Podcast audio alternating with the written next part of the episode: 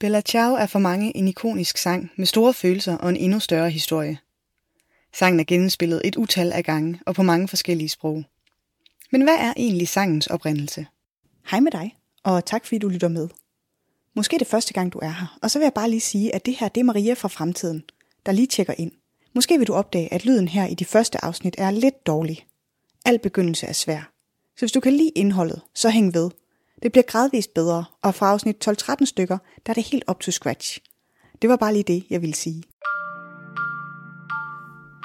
Velkommen til det her afsnit af Frygteligt Fascinerende, kort fortalt, hvor vi dykker ned i historien om Bella Ciao. Frygteligt Fascinerende er en podcast om alt det frygtelige, som alligevel fascinerer os. I kort fortalt afsnittene dykker jeg ned i fænomener og begivenheder. Velkommen til. Modsat hvad mange tror, så er sangen faktisk ikke skrevet af antifascistiske modstandsfolk under 2. verdenskrig. Den stammer oprindeligt fra sæsonarbejdende modinære, der arbejdede med at høste ris i det nordlige Italien. Sangen blev sunget i protest mod de benhårde arbejdsforhold.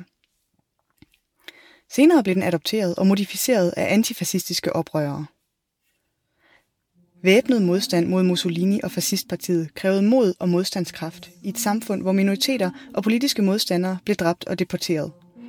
Og i en situation uden militærtræning, ægte organisering eller våben, var det en modstandskamp med en stor personlig indsats. Sangen blev sunget som en del af modstandskampen af grupper af partigiani, der direkte oversat betyder dem, der har valgt side. Nogle af de værste forhold var for de partigiani, der gemte sig i bjergene og kæmpede for frihed og demokrati der. Ressourcerne var små, forsyningerne var svære at få fat i, og modstandsfolkene organiserede sig i små grupper, fordi det ikke var muligt at forsyne store grupperinger. Forholdene var barske, så det var modstandsfolkene også nødt til at være.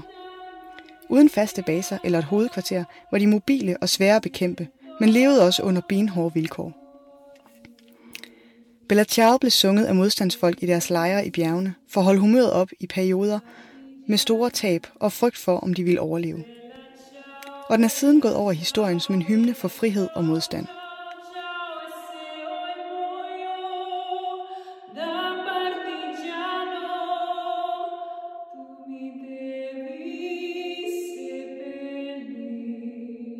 Mod slutningen af krigen mobiliseres den italienske modstandsbevægelse under ledelse af partisanerne til en åben, væbnet modstand mod den tyske besættelsesmagt og deres resterende fascistiske italienske allierede.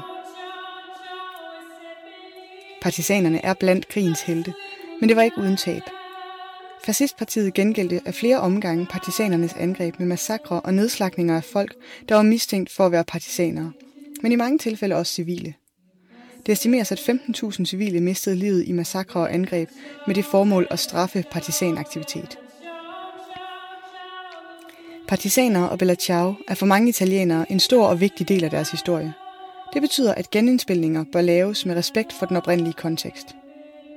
Af samme grund kan man måske godt løfte øjenbryn af techno-remix-versioner, der spilles på natklubber, eller bøllegrupperinger, der i et liberalt demokrati annekterer sangen for at protestere mod, at de skal bidrage til at bekæmpe en global pandemi. Men det er selvfølgelig et holdningsspørgsmål.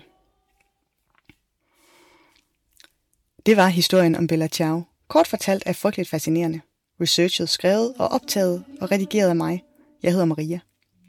Næste afsnit kommer allerede i næste uge og du kan høre det i iTunes, Spotify eller der, hvor du normalt lytter til podcast. Du kan følge Frygteligt Fascinerende på Instagram, og gør det endelig, hvis du ikke allerede har gjort det. Hvis du kunne lide det, du hørte, så giv gerne podcasten en anmeldelse. Det hjælper andre med at blive frygteligt fascineret. Tak for nu.